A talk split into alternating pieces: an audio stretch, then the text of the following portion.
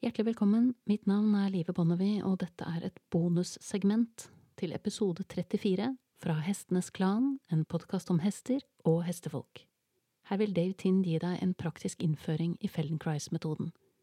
Så skal du få fullt utbytte av denne episoden, trenger du et gulv der du kan ligge relativt komfortabelt og uforstyrret de neste 30 minuttene. Så sett gjerne på pause og rigg deg til før du trykker play. God fornøyelse. So uh, I've agreed to do a little bonus lesson for all of you. Um, I didn't need much convincing. I love teaching this work. So uh, thanks for tuning in about how you can learn a little bit about Feldenkrais today and what it is that I'm teaching within the horse world, but we'll do some beginner and easy movements that we, I think, can help just about everybody. So, what I'm going to recommend, assuming that you know nothing about Feldenkrais, is that um, we're going to find a hard ground to lay on. And what I mean by that is either a carpet or you can put, uh, you know, a rug down, uh, but not on your bed unless you have pain. And the reason for that is we're going to be using the ground to give us feedback of how our skeleton takes contact with the ground. So make yourselves comfortable.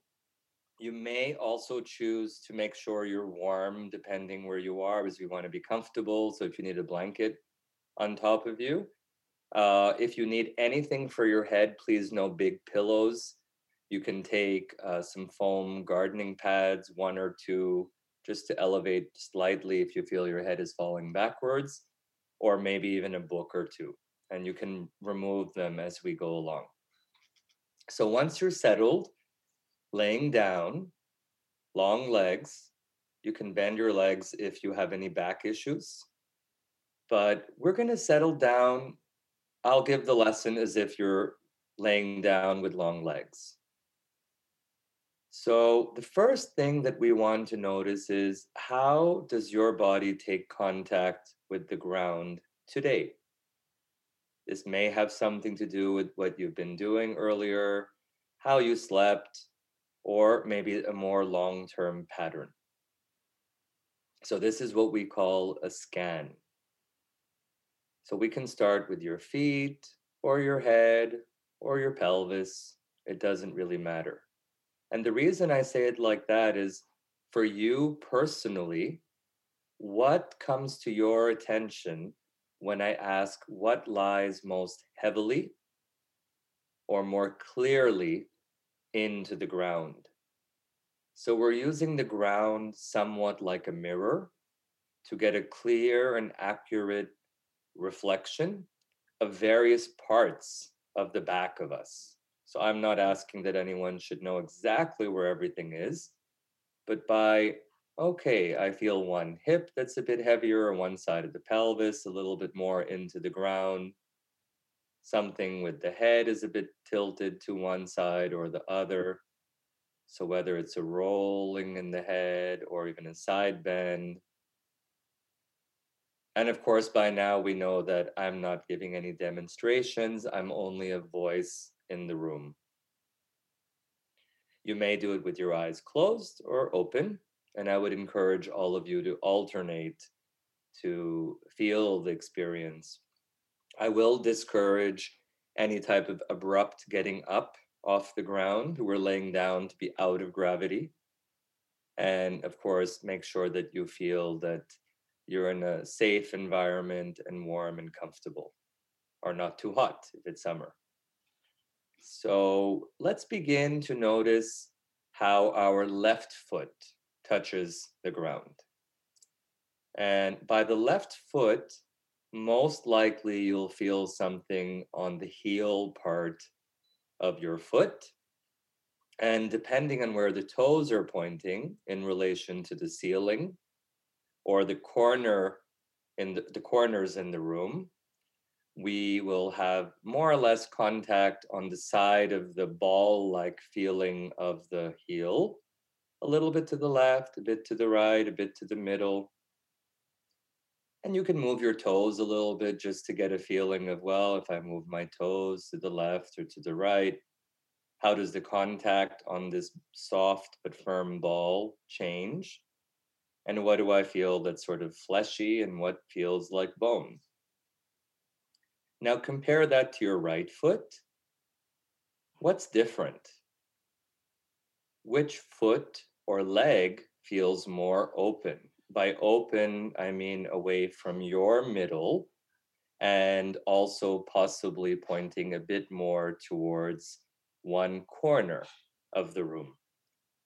And from there, you can begin to roll your left foot a little bit like uh, moving on a clock, but from one side from three o'clock to nine o'clock. So a half circle.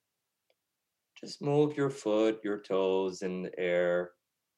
And notice as you move your foot, does something happen in your lower leg?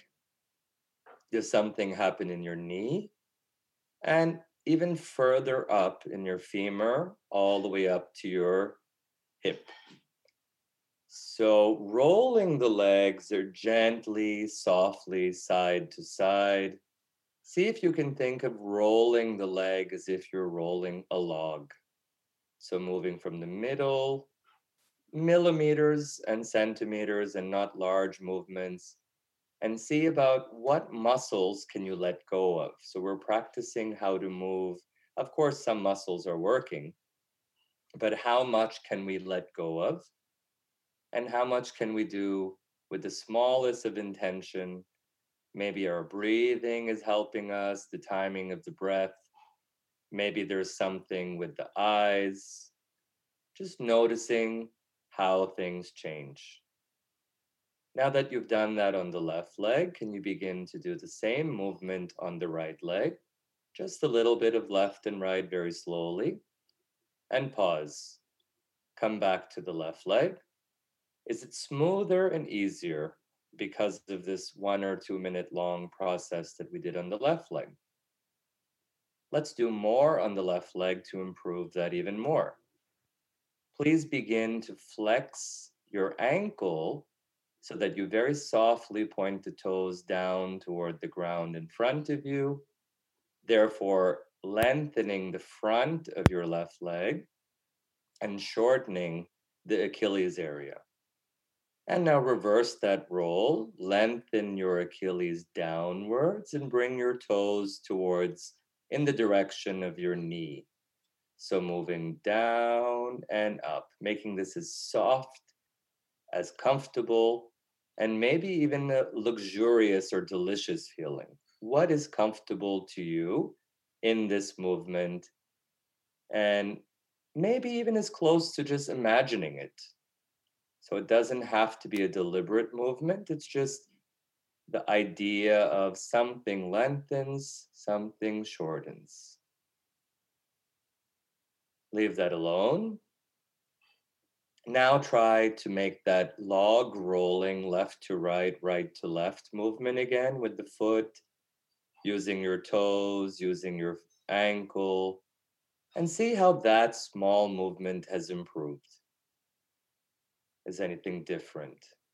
Leave the leg alone, let gravity take place, and compare your left leg to your right leg. Does one leg want to follow gravity a little more, meaning that the toes of the left foot perhaps point a little bit more to the left or sort of fall the whole leg, perhaps. Maybe, maybe not. But compare that to the right foot. So we all start with one leg that's going to want to be more open, or if we call it closed, with the toes pointing more towards the ceiling. So it may be that your personal tendency is that the left leg was more open or rolled to the left, or that it would wanted to be positioned that you keep it pointing straight towards the ceiling with the knee, with the hip, with the foot. What does your right foot want to do compared to the left?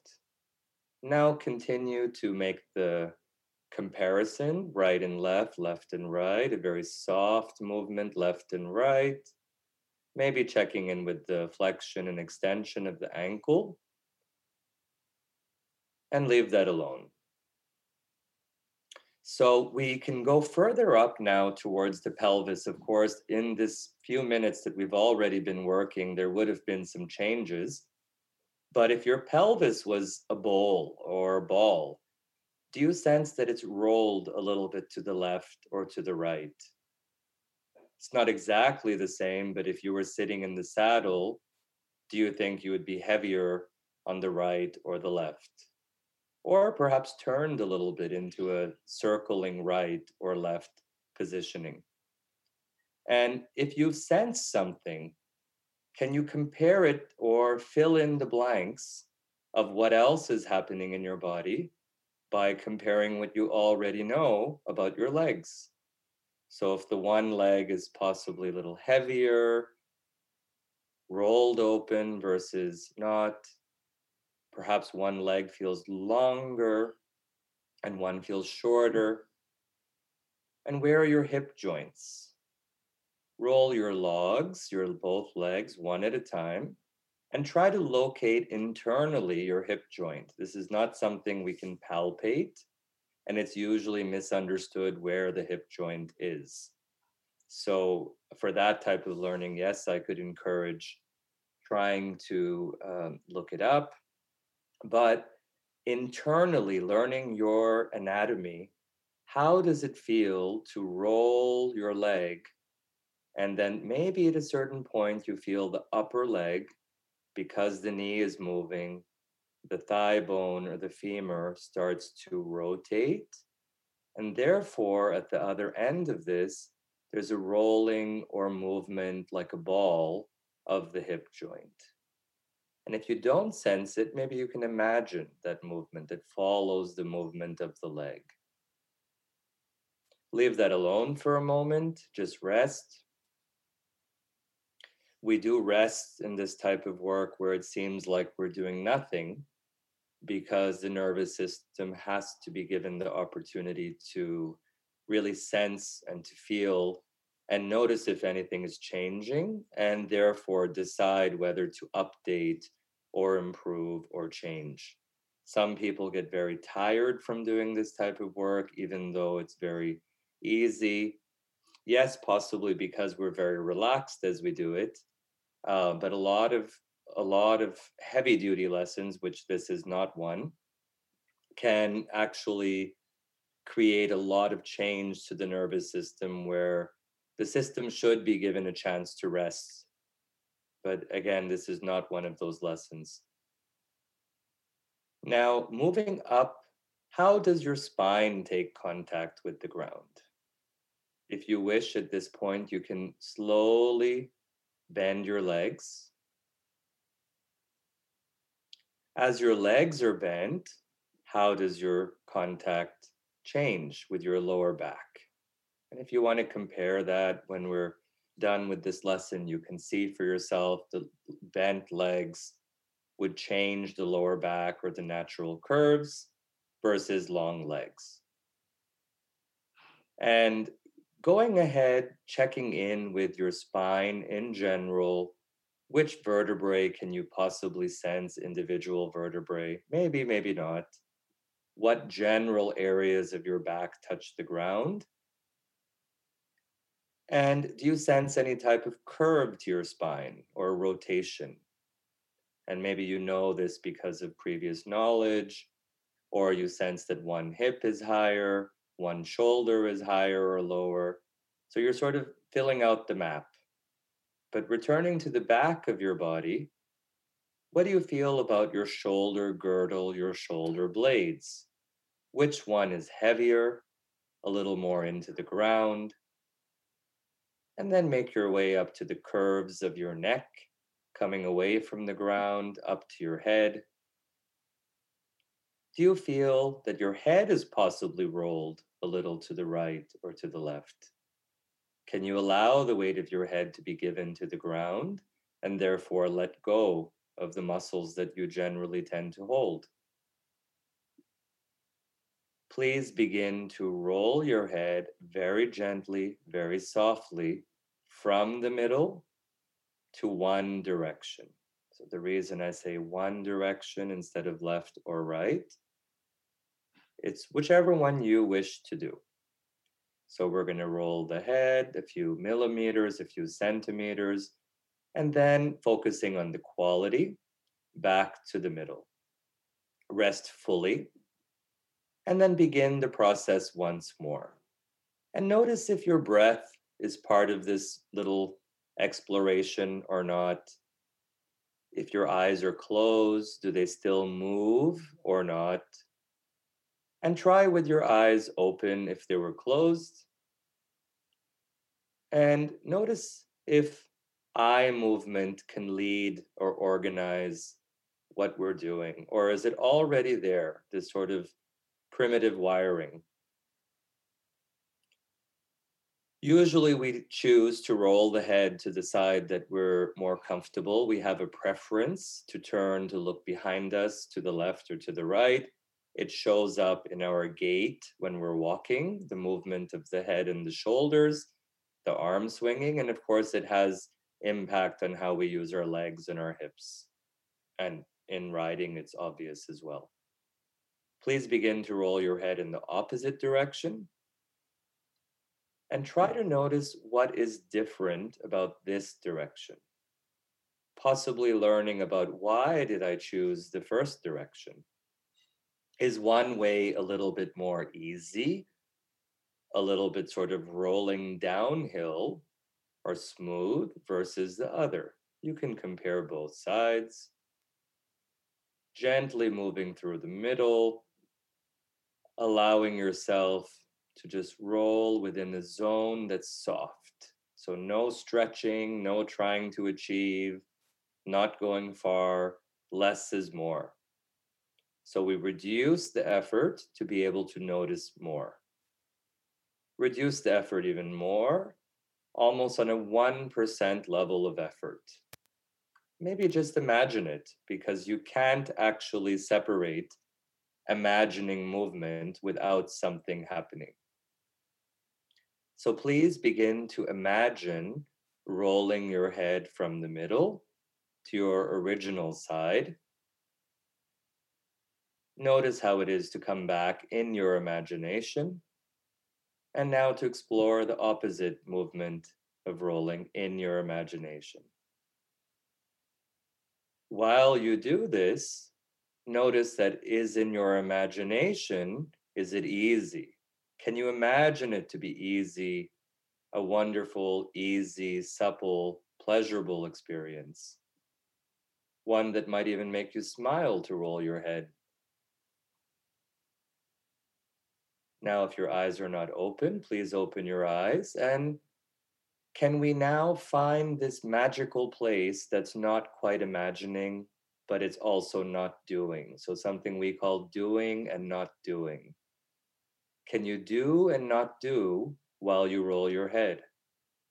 Allow your jaw to be soft, your tongue to be soft, your eyes to be soft, and rest.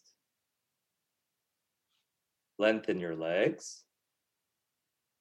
Has anything changed in this short introductory lesson in the way your body takes contact with the ground?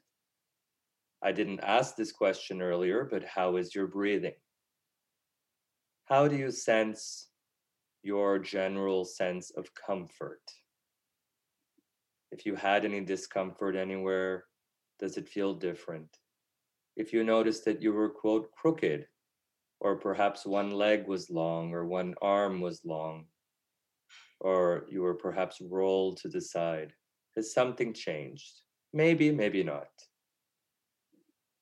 Do you sense that you're perhaps a little wider, heavier, more into the ground? Or a little more relaxed, perhaps more ready to get on your horse and be the calmest version of a leader you could imagine. Please check in once more with the log rolling, that's the long legs, and just see if something's improved in the legs of course, when we move the leg, the lower back is moving as well. Is it possible that moving the top of the spine improves the function of the lower half of ourselves? and generally, uh, what happens is that ankle movement and tension or lack of the tension, by improving the lower or the ankle, we improve our lower half of our body. By improving the function of our poll, our atlas, more or less of that what we've been doing with the head rolling, the jaw, saying yes or no, that function, it'll reduce the tone of your arms so you could have better contact when you ride. It will improve function of the upper half of the body.